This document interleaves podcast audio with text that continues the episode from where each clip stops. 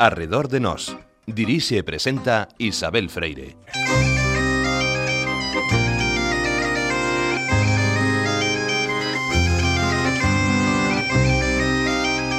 Oxe, Antonio Casares, a vida múltiple dun químico. Figuras como Casares nos enseñan, primeiro, quenes somos, que non somos unhos calquera, que somos unha das 50 universidades máis antiguas do mundo, Santiago.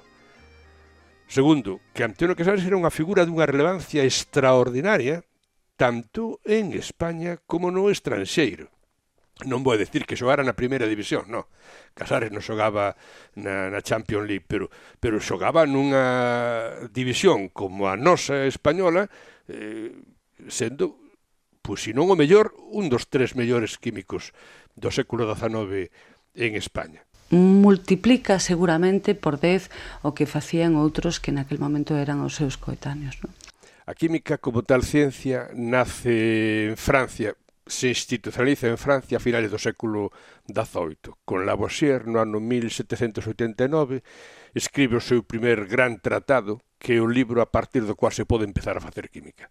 Hasta aquel momento a alquimia todavía estaba dominando eh, a ciencia entre aspas, que se facía nas universidades e que se facía en certos laboratorios que existían xa eh, polo mundo.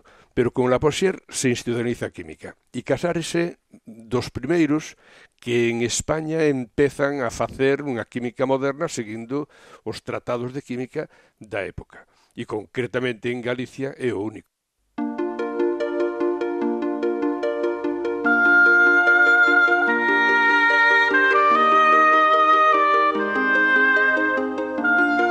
Antonio Casares foi un dos máis insignes químicos do século XIX en Galicia. Traballou infatigablemente na investigación e na difusión dos seus resultados en materias tales como as augas medicinais, os viños, os velenos, os anestésicos. Escribiu tratados de química, descubriu dous novos minerais, deu clases en distintas facultades da Universidade de Santiago, da que chegou a ser reitor vitalicio. Mantivo unha actitude aberta e práctica na ciencia, moderna, E así é todo, unha tacha escurece un currículo brillante, a expulsión de dous profesores que defendían a liberdade de cátedra co seu voto de calidade de reitor. Son as luces e as sombras dun home do 19, Antonio Casares. Esta é a súa historia.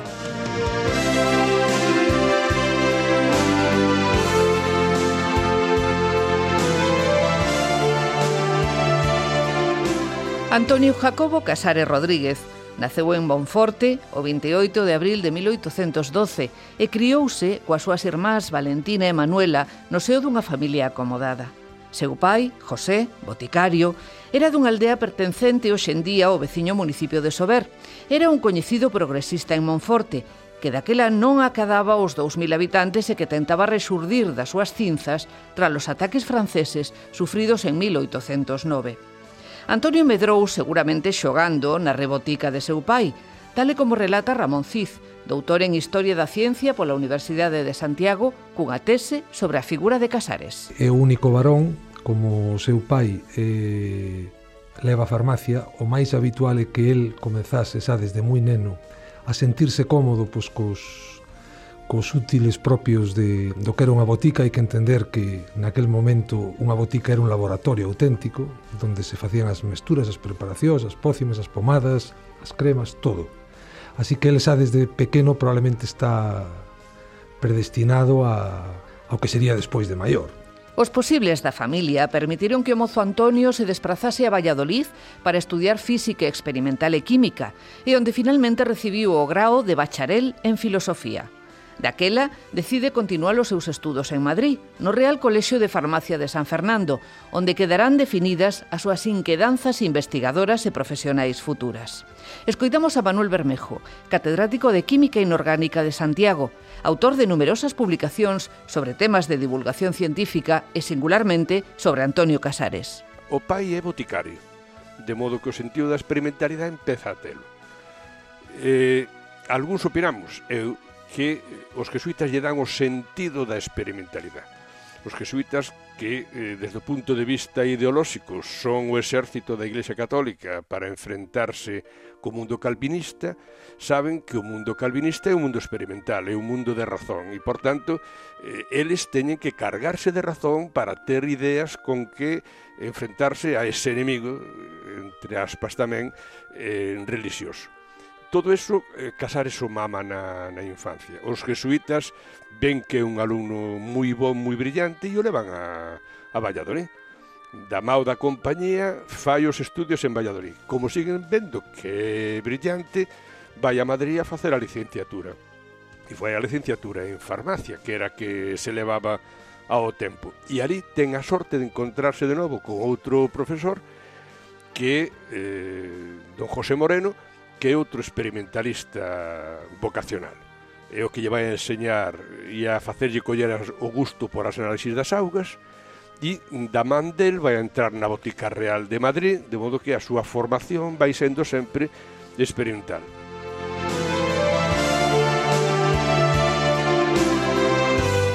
Licencias en farmacia, para iso tiña que ter eh, xa feito, digamos, as prácticas, eh, por eso el seguramente eh, en parte fai unha tempada de prácticas pois, na farmacia do seu pai, probablemente en Monforte, pero tamén entra, eh, gana unha especie de praza na Real Botica en, en Madrid, que era, digamos, a, quen, quen eh, levaba adiante pois, as cuestións de carácter eh, farmacéutico para a coroa e mesmo para a tropa relacionada directamente ca coroa. Esas prácticas, segundo o seu bisneto, Juan Casares Long, proporcionanlle boas amizades. É un home que utiliza tamén o feito de que o rematar farmacia traballa de, de, de auxiliar na Botica Real, e dai lle queda unha relación precisamente con Isabel II que vai ter consecuencias na súa etapa xa de madurez. Pero neste primeiro momento fai outra amizade máis proveitosa para el, nomentada persoa de Antonio Moreno Ruiz, boticario de Cámara. Seguramente grazas a él, Antonio Casares conseguiu praza na Real Botica e máis tarde Moreno foi o xuiz examinador nas oposicións ás que se presentou Casares para ocupar a Cátedra de Química Aplicada ás Artes, vinculada á Real Sociedade de Amigos do País de Santiago e que gañou. Por facer unha traducción a día de hoxe, poderíamos decir que que algo así como como química de formación profesional ou algo así, porque as artes, hai que entender esa palabra nese, nese momento, son calquer tipo de, de actividade, de taller, de artesanal, de, de orfebrería, de, de curtidoría, de ese tipo, a química relacionada con esas cousas. Esa praza gana en Madrid eh, en oposición e eh, a plaza que, que se asocia a esa, a esa cátedra é en Santiago. Nese momento é o que se chama a Sociedade de Amigos do País de, de Santiago, que todavía existe hoxe, pois eh, é quen está, digamos, eh, quen vai resentar, por decirlo así, esa praza e el ven a, a impartir clase e, e comeza en outubro así, dito así, así de memoria, en outubro de 1836, saben a Santiago para nunca máis eh, abandonar a, a capital de Galicia.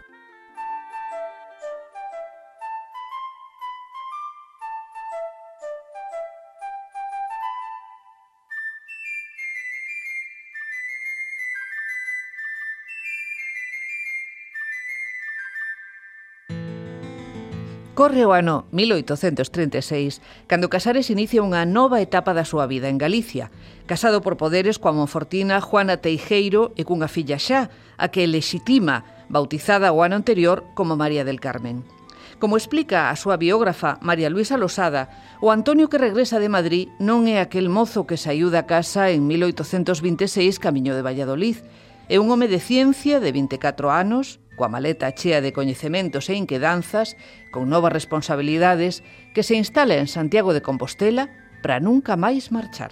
Ten 24 anos cando chega a Santiago, pois inmediatamente seguramente se dá a coñecer, porque de feito eh, enseguida eh, eh, un profesor da Facultade de Medicina eh, pois encárgalle un estudio sobre augas, esa era outra tradición que existía na Universidade de Santiago, el que todavía non é profesor da universidade xa se lle encarga. E tamén hai algún outro encargo, pero hai que entender no contexto. É unha universidade moi pequena donde, bueno, todo se coñece. A precariedade económica para estas cátedras é a tónica xeral, e así e todo tiveron unha intensa actividade, impartíndose as clases de química primeiro no mosteiro de San Martiño Pinario para pasar posteriormente ao Colexio de Fonseca. Eh, cando estade de profesor na Sociedade Económica de Amigos do País, pois pasa 44 meses sin cobrar a nómina. Eh, pero claro, monta unha farmacia, que é a farmacia que está no Toral, busca busca maneira de resolver os problemas os problemas económicos dunha familia non numerosa, sino moi numerosa.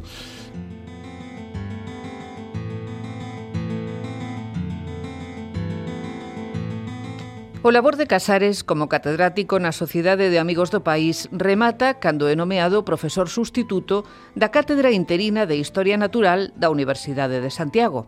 Pero non deixou de todo a sociedade. De feito, chegou a ser o seu director en 1850 e no seu Ateneo Popular impartirá leccións de química elemental a alumnos que procedían da clase obreira. Temos un retrato do claustro na, na, na reitoría donde está a Galería de Reitores, que se o atoparon perdido por non sei onde e, e, e mo mandaron ao reitoría. O Estado non está moi ben e o, e o pintor non era nada especial. Pero hai un retrato del moi bo na Real Sociedade, eh, como foi eh, presidente, pois teñen o retrato del ali, é un retrato magnífico. Compre sinalar que estas institucións non universitarias, como a Sociedade Económica de Amigos do País, eran moi importantes no aspecto docente, porque se converteron en puntos de contacto cos centros científicos europeos, propiciando o envío de estudiantes fora eran moito máis permeables para a difusión do coñecemento científico que as universidades, máis reacias estas ás novas tendencias e descubrimentos. Escoiten a opinión de Rafael Sisto Edreira, estudoso da Historia da Ciencia na Universidade de Santiago. Hai un feito determinante para min que creo que son a, a creación das cátedras que decíamos aplicadas e que eh, son unha creación que, que nace no ano 1824 en Madrid e que se traslada ás provincias precisamente para romper ese ensino teórico marcadamente universitario que existía en todo o Estado, non? Pero o prestixio e a seguridade económica están na universidade. Agora ben, como é aquela universidade na que se vai integrar Antonio Casares en 1840? Preguntamos yo a Xos Antón Fraga, director do proxecto Álbum da Ciencia do Consello da Cultura Galega. A universidade tal como xa coñecemos de alguma maneira nace en 1845 co plan Pidal. Previamente, por exemplo, os estudos de química, de historia natural na Universidade de Santiago prácticamente non figuraban ou non aparecían ou fixeran de forma moi marxinal. Ben, toda esta situación cambia sustancialmente cando en 1845 se aproba un plan de estudios, o plan Pidal, E ese plan Pilar determina que unha das dez universidades do Estado sexa a Universidade de Santiago que xa existía, pero que, por exemplo, até ese, en ese momento non tiña a Facultade de Medicina, Entón, o Plan Pidal eh, instala unha serie de cátedras de ciencia necesarias para os estudios de medicina, por exemplo, a cátedra de química, cátedra que vai ocupar eh, Antonio Casares.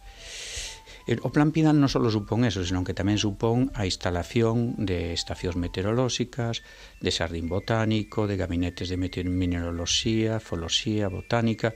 É dicir, é unha modernización moi importante, un cambio absolutamente sustancial.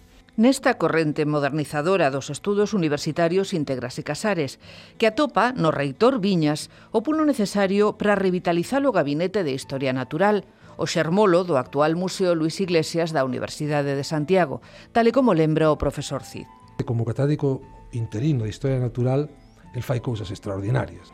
Crea o que é o Gabinete de Historia Natural que é o antecedente do, do Museo Luis Iglesias actual eh, por o seu propia iniciativa, gastando os cartos persoais eh, e tamén de outras persoas cercanas a el, pois eh, vai dotando de material, eh, unha colección extraordinaria de cristalográfica que vende París, só hai dúas no mundo, a original, máis esa que é unha copia, pois eh, que se trae a través dun matemático de Lalín, outro outro superclase, digamos, eh, o que se chama matemático do Bermés, eh, José Rodríguez, que eh, el eh, está en París e consigue que Howie, que é o gran experto en cristalografía no mundo, pois faga unha copia de, de, dos seus modelos cristalográficos e veñen a, a Santiago, pero é Casares quen, quen os pon en práctica e entón eh, créase unha especie de, de lugar especial donde estudiar cristalografía grazas a esa, a esa intervención de Casares. Música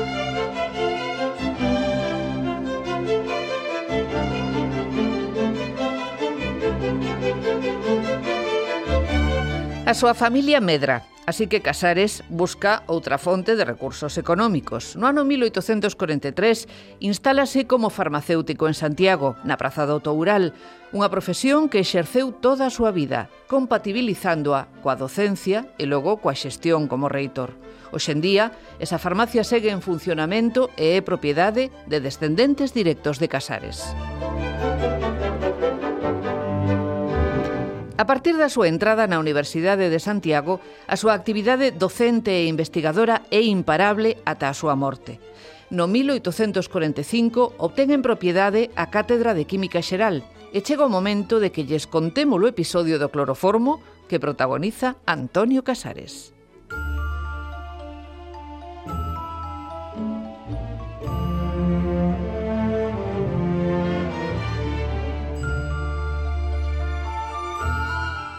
Señores, o cloroformo está preparado. Espléndido. Inaudito. É vostede único, Casares. Porque O descubrimento das propiedades anestésicas de certas substancias constitúe un dos logros médicos máis beneficiosos para a humanidade, porque evitou o sufrimento enorme que ata daquela ocasionaban as intervencións cirúrxicas. A principios do século XIX, a anestesia era alcohol, alcohol para la boca e, e aguantar el dolor. Hai tres descubrimentos por orden de cronolóxica primeiro foi Davy que descubre o protóxido de nitróxeno, o óxido de nitróxeno, o gas hilarante do que fala Pardo Bazán, por exemplo. A primeira vez que lle extraen unha, unha moa a Pardo Bazán, a doña Emilia, conta que lle pasou, que sentiu, e se eso era a morte, ou se eso era a antesala da morte. Bueno, pois despois dese anestésico apareceu o éter. E o éter tamén tiña problemas, tiña contraindicacións eh, de tipo coronario, de tipo eh, gaseoso na sangre. E despois apareceu o cloroformo. E, e despois apareceron moitos outros, de modo que o salto eh, que a chegada do cloroformo foi enorme. Se podía facer unha operación na que, primeiro, o paciente non tiña dor. E segundo, o ciruxán tiña teda todo o tempo que precisara para realizar con condiciones de seguridade a intervención.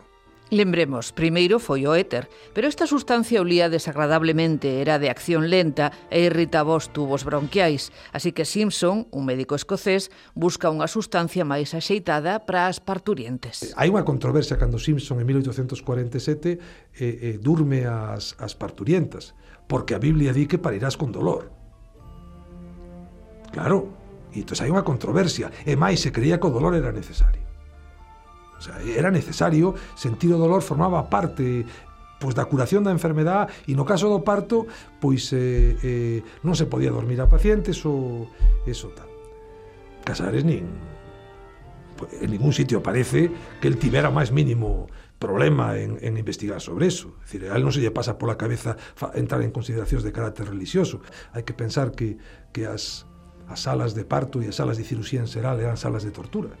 Sala de tortura, cheas de argollas, de cadeas e demais, porque era así, para poder a, eh, eh, agarrar as persoas, así que habería médicos tremendamente sensibilizados.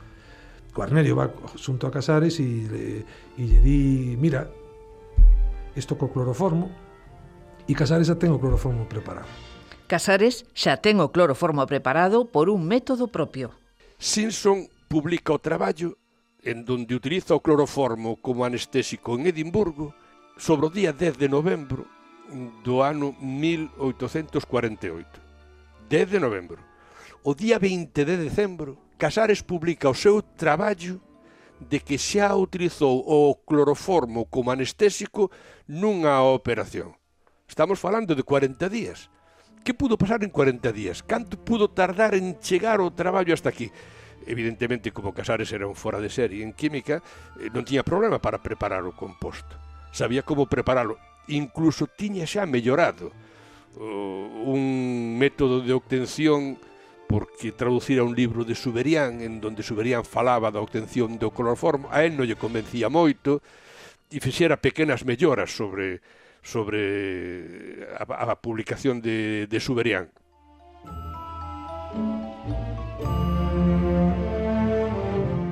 Prepara o cloroformo. Ah, pero unha vez que o teño, o único que sei é que se fixeron dúas operacións e que a causa foi ben. Hai que testalo. O primeiro que fai é anestesiar a un can. E o segundo que fai é anestesiarse el. E hai un grabado moi gráfico en donde Casares rodeado de Guarnerio, de la Orden, de Gubersindo Fontán, está anestesiado. Eles lle, fan respirar o cloroformo, despois el conta que o que se sinte, cales son os síntomas, en que maneira se debe de ir graduando a... porque la foron probando, dando primeiro un poquinho, depois un pouco máis, a ver canto aguanta, canto... Bueno, pois eh, estaban facendo o que hoxe se sigue facendo na, na investigación, testar os produtos. E cando estuvo convencido de que era bon, eso era o día 19 de decembro, operaron un home a muller. Segue a haber controversia sobre se foi en Santiago ou en Barcelona onde tal uso foi realizado por primeira vez en España. Pero en calquera caso, quedan de sobra patentes dúas das máis salientables calidades de Casares. O seu coñecemento das últimas investigacións nos campos do seu interese e a determinación cara a unha ciencia con clara vocación práctica. El e o grupo de médicos de, de Santiago tiñan relacións con París, tiñan relacións con Edimburgo, con Londres, de modo que cando baixaban os barcos, pois, eh, casualidade, traían o material, e o material se quedaba aquí, e sempre eran os mesmos libreiros, había un libreiro famoso, rei, que parecer que era que se encargaba de mover e camuflar todo este tipo de, de material pode cualificarse de equipo multidisciplinar o que se reúne para experimentar co cloroformo? Preguntamos yo ao profesor Cid. Cando a medicina comeza desde un punto de vista científico a despuntar en Santiago, eh, que a veces se chama Escola Médica Compostelana ou eh, donde hai, pois está a Orden, ou está o Arnerio, que son os que efectivamente con el pois traballan e, e González Olivares son os tres médicos que con el están presentes, ademais de Domingo Fontán, que é amigo persoal e tamén se deixou caer por ali, pois son os que os que os protagonistas dunha parte do episodio do cloroformo, eh, en eso eh, Casares pois, pensaba que medicina se debía facer igual pero de crear equipo eso é máis discutible ou, ou pouco discutible. Este grupo de médicos, o que se suma Casares como químico, forma parte da chamada Academia Médica de Emulación. Xos Antón Fraga referiuse a ela nestes termos. El participa nunha iniciativa moi interesante a mediados de século, que é a da Academia de Emulación de Santiago. Esa academia que se reunía todos os domingos supón un foro donde catedráticos e intercambian coñecimentos, é moi importante e é o resultado dese, dese entramado científico que se xerara alrededor do plan Pidal e do plan Moyano. Ali está José Varela de Montes, está, está Antonio Casares, están os catedráticos da Facultade de Medicina, Ciencias, Farmacia, etc. Todos traballando conxuntamente. Publican unha revista, a revista de, de Ciencias Médicas, e, e mm, publican mm, e, e sobre todo realizan experiencias en común.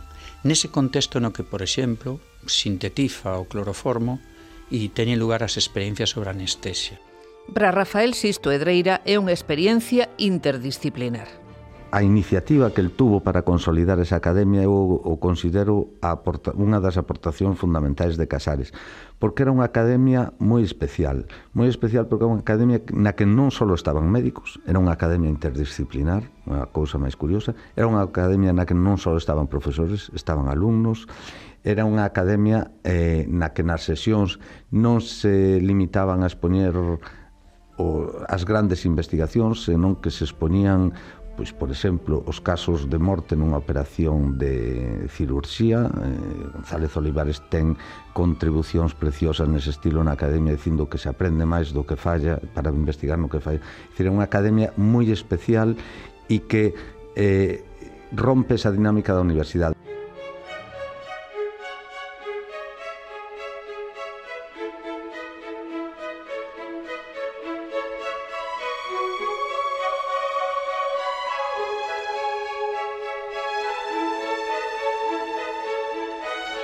A noite do 2 de abril de 1851, Antonio Casares realizou un prodixio, barreu a noite da terra. Debeu de ser un impacto social. Sí. Eh, de feito, o berro que suelta o bibliotecario da universidade a noite está barrida da terra e que explica perfectamente o que é que nunha noite de Santiago do abril, do día 2 de abril do ano 1851, no claustro de Geografía e Historia, o que hoxe é Geografía e Historia, se faga, eh, se produzca luz eléctrica saltando esa chispa, que, según dicen os que estaban ali, a 50 metros se podía ler perfectamente nun papel, na noite, que era algo arrepiante para moita xente, non? Moitos dos que estaban ali dirían, isto, eh, que está pasando aquí? A donde vamos?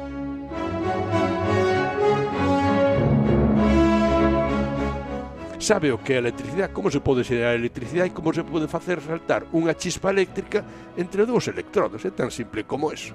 Estivera en París, ali conoceu a Foucault, seguramente veu como se facía e dixe, bueno, pois, pues, se si isto teño eu, por que non o vou facer? E lle enseño a sociedade para que va a ciencia. Ángela Bugallo, profesora de Didáctica das Ciencias Experimentais da Universidade da Coruña eh, maravilloso, non? Porque a verdade é que ver de repente esa intensidade de luz provoca que todos os presentes se queden maravillados. El consigue facer esa aplicación por primeira vez en todo o Estado español, quen o consigue é el. E antes que ningunha outra das universidades e dos científicos que, dende logo, podía considerarse que por razóns do propio estatus das súas universidades foran quen o realizaran. El o realiza, os presentes se quedan asombrados diante do que están a ver e hai unha crónica maravillosa sobre o suceso que comeza dicindo a noite está barrida da terra. O xornal El Eco de Galicia recollía días despois a noticia nos seguintes termos. Durante dos horas lució la brillante luz en presencia de varios profesores y un número crecido de alumnos que han tenido la satisfacción de ver uno de los más hermosos fenómenos eléctricos. Neste mesmo xornal, así como noutros, destácase esta experiencia como a primeira realizada en España. Porque lo que quería era decir á sociedade isto se pode facer, e é bon. Que de noite estemos como de día, que teñamos seguridade, polas noites non se podía salir das casas. A luz servía, entre outras cosas, para a seguridade. Bueno, pois, queréndolle decir á sociedade que había que ir por ese camiño, a primeira luz eléctrica de Santiago non foi hasta 1910 de modo que tardeu 60 anos en que o que el quería que a sociedade aprendera que era bon, sano, beneficioso e que debía dirse por ese camiño, pois non se conseguiu.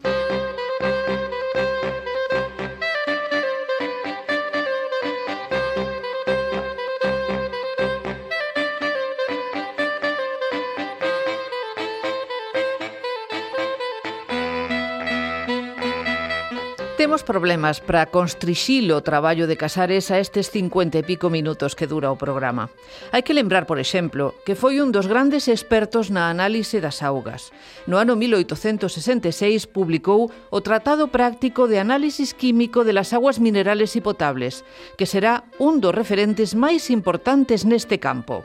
Se si as augas teñen componentes específicos, a auga deixa de ser H2O que é como lle chamamos os químicos, e se convirte en un produto que pode resolver problemas de saúde, que pode prover, resolver problemas de alimentación. Entonces ven a segunda parte, está respondendo para qué?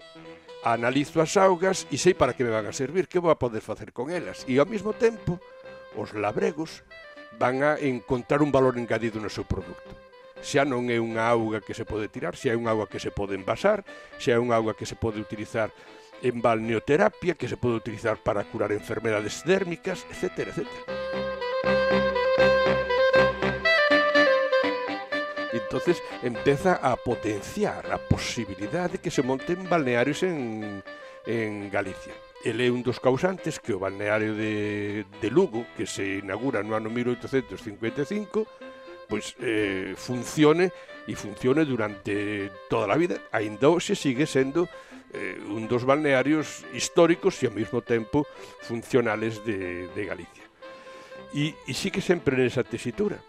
Eh, tanto lle preocupan as augas que escribe o primer gran tratado das augas de España todavía hoxe sigue sendo referenciado. Cada vez que se fan estudios, tesis doctorales, traballos de investigación sobre augas, Casares está por medio, o libro de Casares, o seu tratado de augas descobre dous minerais novos. Bueno, a morinosita aparece nun lugar dun cantil na zona de Cabo Ortegal, nun lugar tremendo no que había que baixar por cordas, é dicir, é un tema realmente chamativo. Lle interesa ademais porque a morenosita xunto ca zaratita considera que son os minerais de níquel que teñen posible aplicación para a súa explotación. Non?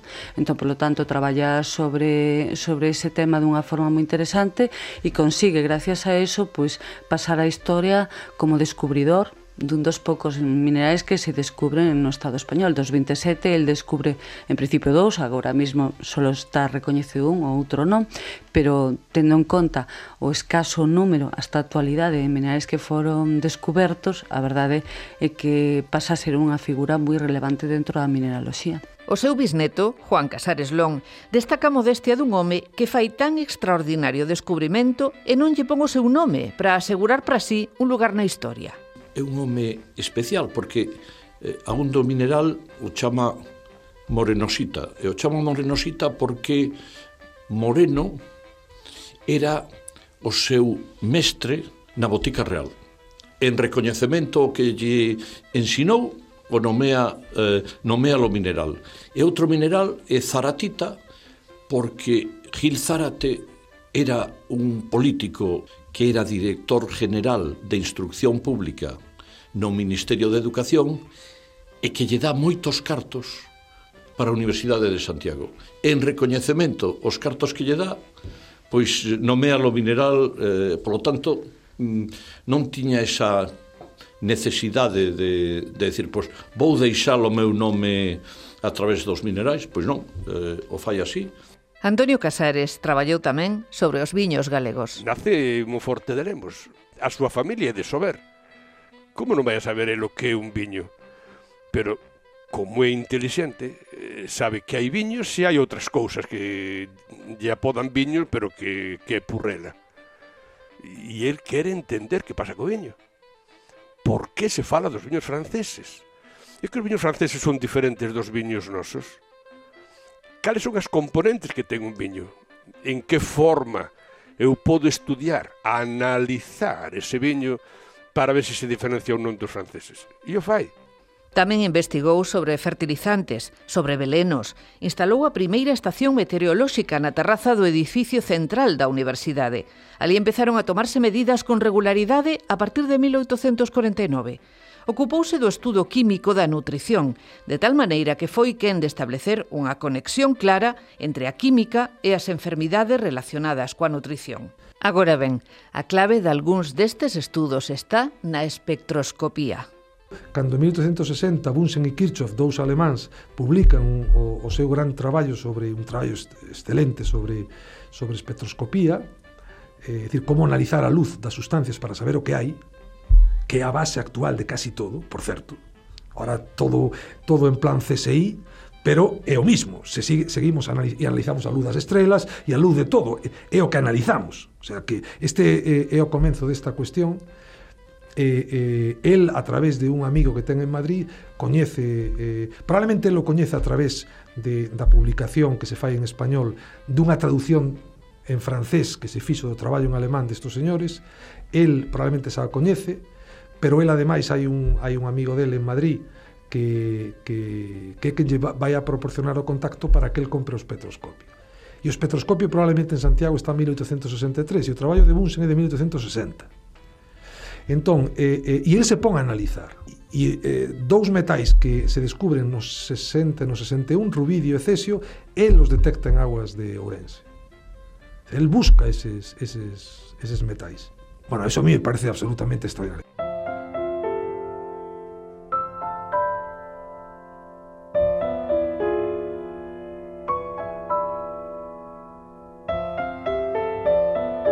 As luces de Casares son tan intensas para a historia da ciencia en Galicia que todos os expertos que consultamos coinciden en cualificar a Casares como o pai da química moderna en Galicia. Pero imos adentrarnos agora na súa faceta como reitor da Universidade de Santiago, cargo para o que foi nomeado en 1872 e no que permaneceu ata a súa morte en 1888. No reitorado de Santiago, o seu traballo quedou para sempre tinxido por unha sombra de intolerancia. Foi a chamada segunda cuestión universitaria. Ten tamén as luces e sombras eh, na súa actividade, 16 anos como reitor. Eh, decisións tomadas que din que fai seguimento das ordes de Madrid. Bueno, pois eh, se hai unha lei probablemente eh, lle forzaran a aplicala en algún momento contra uns compañeiros por, por aqueles temas que se discutían entón sobre, sobre o darwinismo.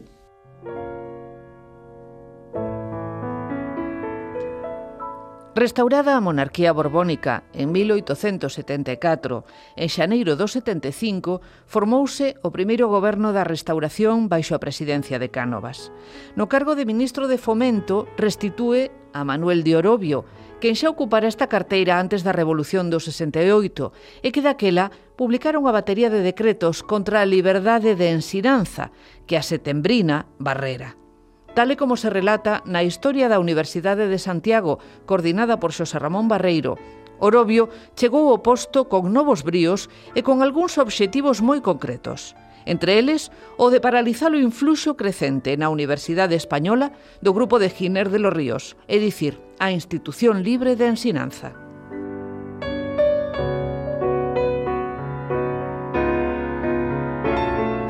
O ministro Orobio derrogou varias disposicións do 68 para devolver a educación á situación anterior dirixiu aos reitores unha circular na que deixaba claro o seguinte, que evitasen nos seus centros outras doutrinas religiosas que non fosen as do Estado, e xustificaba este punto da seguinte forma. Cuando la mayoría y casi la totalidad de los españoles es católica, y el Estado es católico, la enseñanza oficial debe obedecer a este principio, sujetándose a todas sus consecuencias. Partiendo de esta base, el Gobierno no puede consentir que en las cátedras sostenidas por el Estado se explique contra un dogma que es la verdad social de nuestra patria.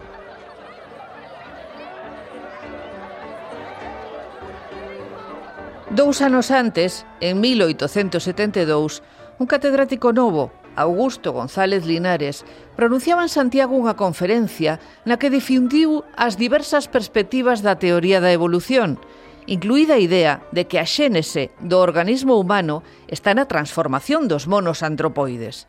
O debate que suscitou alarmou a xerarquía e o pensamento católico máis conservador.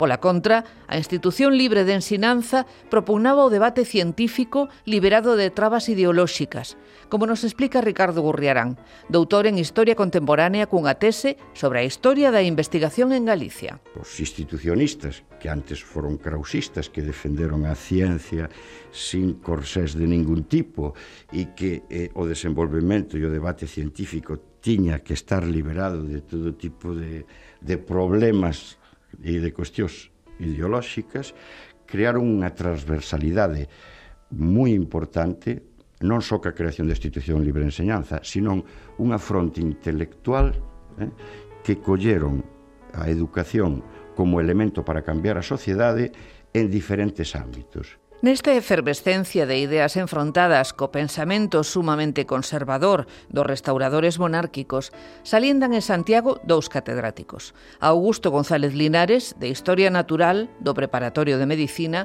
e Laureano Calderón Arana, de Química Orgánica. Naquela convulsión compostelana en pleno sexenio, con un cambio de escenario radical, eh, xente como un González Linares ou un Laureano Calderón de algún xeito convulsionaron a maiores o marco universitario levando a, os alumnos as súas tertulias ou parladoiros nas súas casas accedían a libros determinados sobre a orixe das especies, Haeckel ou do mesmo Darwin, etcétera,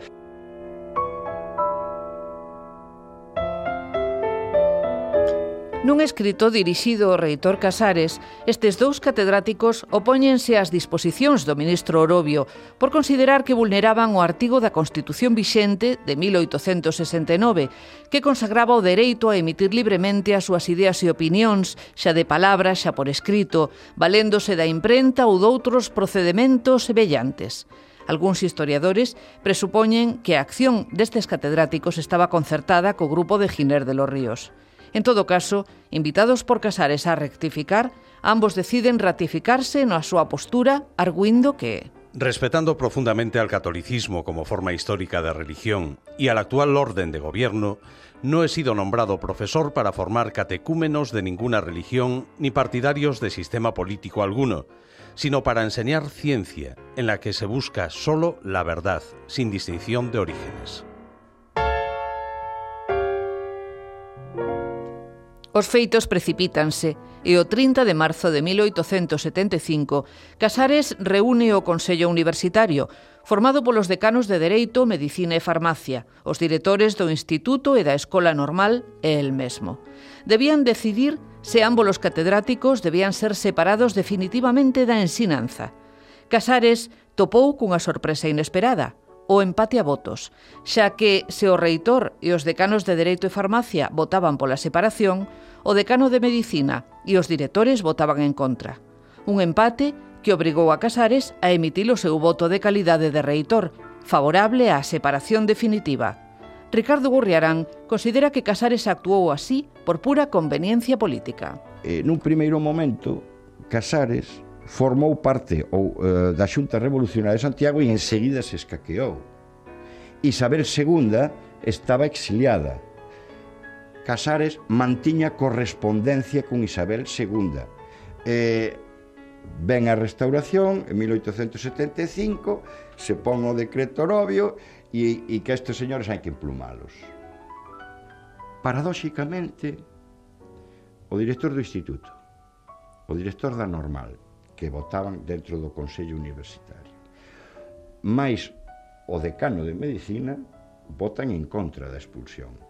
Os outros dous decanos votan a favor e Casares vota a favor. Ante o 3 a 3, el, Casares, eu supoño que son débitos e ao mesmo tempo meritaxe para a coroa que está xa eh, para ser restituído e proseguir a súa carreira política.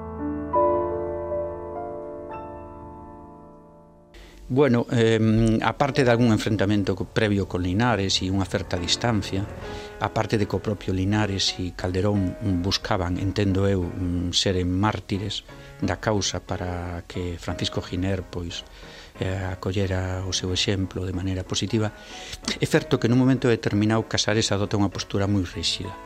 É dicir, el chega ao Consello Universitario mm, e ante a atitude destes profesores hai un empate de votos e decide co seu voto de calidad mm, leválos á expulsión da universidade. Penso que, que podría ter buscado unha solución máis conciliadora, algo diferente.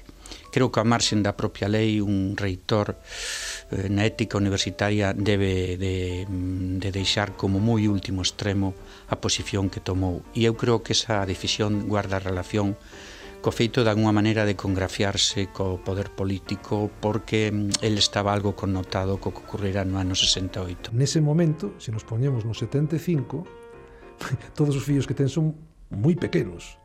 El ten que defender a súa familia. El é rector, o Santiago como, como a, todavía hoxe a universidade é un lugar eh, con enorme presencia de endogamia, hoxe, hoxe en día, eh, nos podemos imaginar eh, no século XIX. Entonces, bueno, quen quisese xogar ese partido tiña que xogar coas reglas que había nese momento. Entón, Casares, a mí non me cabe ninguna dúbida de que participaba de, de todos os procesos eh, políticos, digamos, de política universitaria e, e si se quere, extrauniversitaria, para poder manter, eh, eso significaba, pues, ter os seus apoios, ter os seus eh, a xente que tiña que colocar, probablemente a él lle podería ter vido moi ben que González Linares fose expulsado porque el tiña un candidato eh, eh, eh, para que para que él puidese continuar, o sea, pudera ser rector e necesitaba votos, en fin, todo eso a mí non me cabe ninguna dúbida de que Casares Unha cousa é, é o Casares científico, outra cousa é o Casares eh, tal. Parece evidente que con esta conduta Casares pretendía mostrarse como o máis firme defensor da monarquía borbónica. A restauración premiouno asegurándolle o cargo con carácter vitalicio. E, mentres tanto, cal foi a sorte dos represaliados? Ingresan en San Antón, eh, foi visitado, pois, eh, Pardo Bazán, por decir, aí ben tamén unha ligazón de Pardo Bazán logo co institucionismo, porque estes dous señores logo marcharon, estiveron no estranxeiro formándose e logo foron restituídos no primeiro goberno, goberno liberal en 1881, vivo aínda, vivo aínda Casares, o ministro Alvareda, eh, dixo que eh, fixera con lupa unha revisión do procedimento que non había por onde collelo. Con Casares Vigo E eses señores volveron a dar clase. Como estaban ocupadas as cátedras, pois colocáronse en Madrid, e, bueno, e os dous foron figuras insignes, eh, Laureano Calderón, en, en química mineralóxica e, e González de Linares eh, en cuestións de biología marina.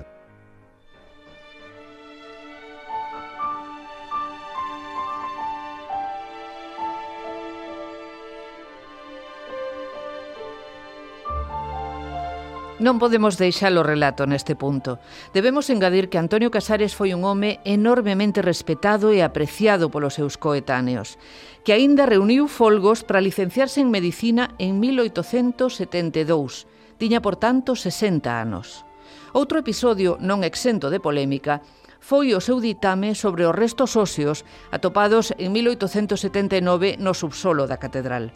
Foi un dos tres especialistas que, a petición do cardeal Miguel Payá e Rico, examinaron os restos para determinar se correspondían os do apóstolo Santiago e dous dos seus discípulos, agochados, supostamente, en 1589 para evitar que caesen en mans de Francis Drake e as súas tropas. Antonio Casares o único que decía era que, bueno, que ali había carbono, que eran carbonatos, e, bueno, pois pues unha frase así moi moi moi galega de que nada se opone a que estos puedan ser los restos de un hombre que viviu aí eran tres hombres, bueno, que viviu aí eh, eh, dous mil anos e, e aí quedou a cosa con todas as implicacións que tuvo, claro que o cardenal Pallá utilizou moi ben as súas fichas para conseguir de Roma que se aceptara que aqueles eran os restos do apóstolo e dai naceu toda a peregrinación moderna a, a ver os restos do apóstolo, claro. Eu quero pensar que aí eles un día se xuntaron, alguén se xuntou con alguén, non sei quen con quen, e dixeron que Santiago necesitaba necesitaba o, o mito do apóstolo, porque unha vez perdida a, o protagonismo político que se desplazara para Coruña porque Coruña sempre foi políticamente máis eh, inteligente políticamente que Santiago. Santiago sempre quedou de lado dos perdedores, digámoslo así, así que foi perdendo protagonismo pouco a pouco e cando lle foron quitando a, a Iglesia Católica pois as as, as, eh, os impostos que cobraba por, de, de, por distintos motivos, o empobrecemento foi evidente. Así que por, eu quero pensar que dixeron isto hai que... Porque iso que se encontren eh, así nunha obra de pronto encontran un sarcófago, fíjate o que hai aquí, que non habería restos eh, restos ali abaixo. Así que eu quero pensar que non foi unha casualidade e si, eh, e si foi así, o dictamen xa estaba feito.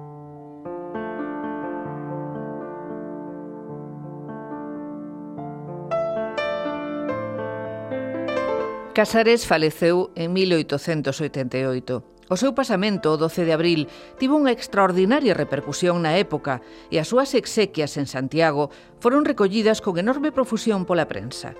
Non menos ilustrativa da relevancia que Casar estivo como docente e investigador químico en Compostela é a coñecida frase pronunciada por un bedel desta universidade. Morreu Casares, acabouse a química. Morre Casares, e a famosa anécdota esa de que alguén dixo de que morreu Casares, acabouse a química, verdad? Pois probablemente sí, Probablemente sí, no sentido de que a súa química, xa viñeron outros, non? Eh, outros, pero non había unha unha continuidade, bueno, e a universidade pois tamén era o que era, tampouco tampouco daba para moito máis. O seu bisneto, o catedrático Juan Casares Long, descúbrenos algúns aspectos máis persoais e familiares de Casares. Ten 12 fillos. A dúcia de fillos son de dúas mulleres. Oito da primeira, que morre precisamente nun ataque dun gato eh, que se descubre con rabia a, a, a filla pequeña que estaba todavía na cuna, entón vai a, a nai a separar o gato, o gato araña, ela morre de hidrofobia, de, de rabia. El lle deixa o seu despacho a dona Emilia Pardo Bazán, porque entón as mulleres non podían estar na universidade para que mm, fora de horas de uso da biblioteca que ella mm, ela solicita os libros que quere ver e xa sendo reitor lle cede o seu despacho para que ela poda estudiar, ler. Era un tipo era un tipo raro un tipo tan curioso como que cando mm, eu o fixen, me pediron, me pediu a familia hai uns cantos anos que averiguara onde estaba a súa tumba. Porque ele era cofrade do Rosario e tiña dereito a ir ao cemeterio de Bonaval, que solamente va a xente que durante o século pasado, parecer, se compraban. Hai historias sobre que se compraba o dereito a ser eh, enterrado enterrado ali en Bonaval, pero mm, agora creo que non, que se leva con moita eh, e, e somente van os os que pertencen á cofradía do Rosario, eh, son os que teñen dereito a a ser eh, enterrados ali. Pois el decide, el decide que el non é ninguén máis que calquera outra persoa. E sendo reitor, eh, daqueles tempos ser reitor, eu teño os papéis, era o xefe de todo o distrito dende o punto de vista da educación.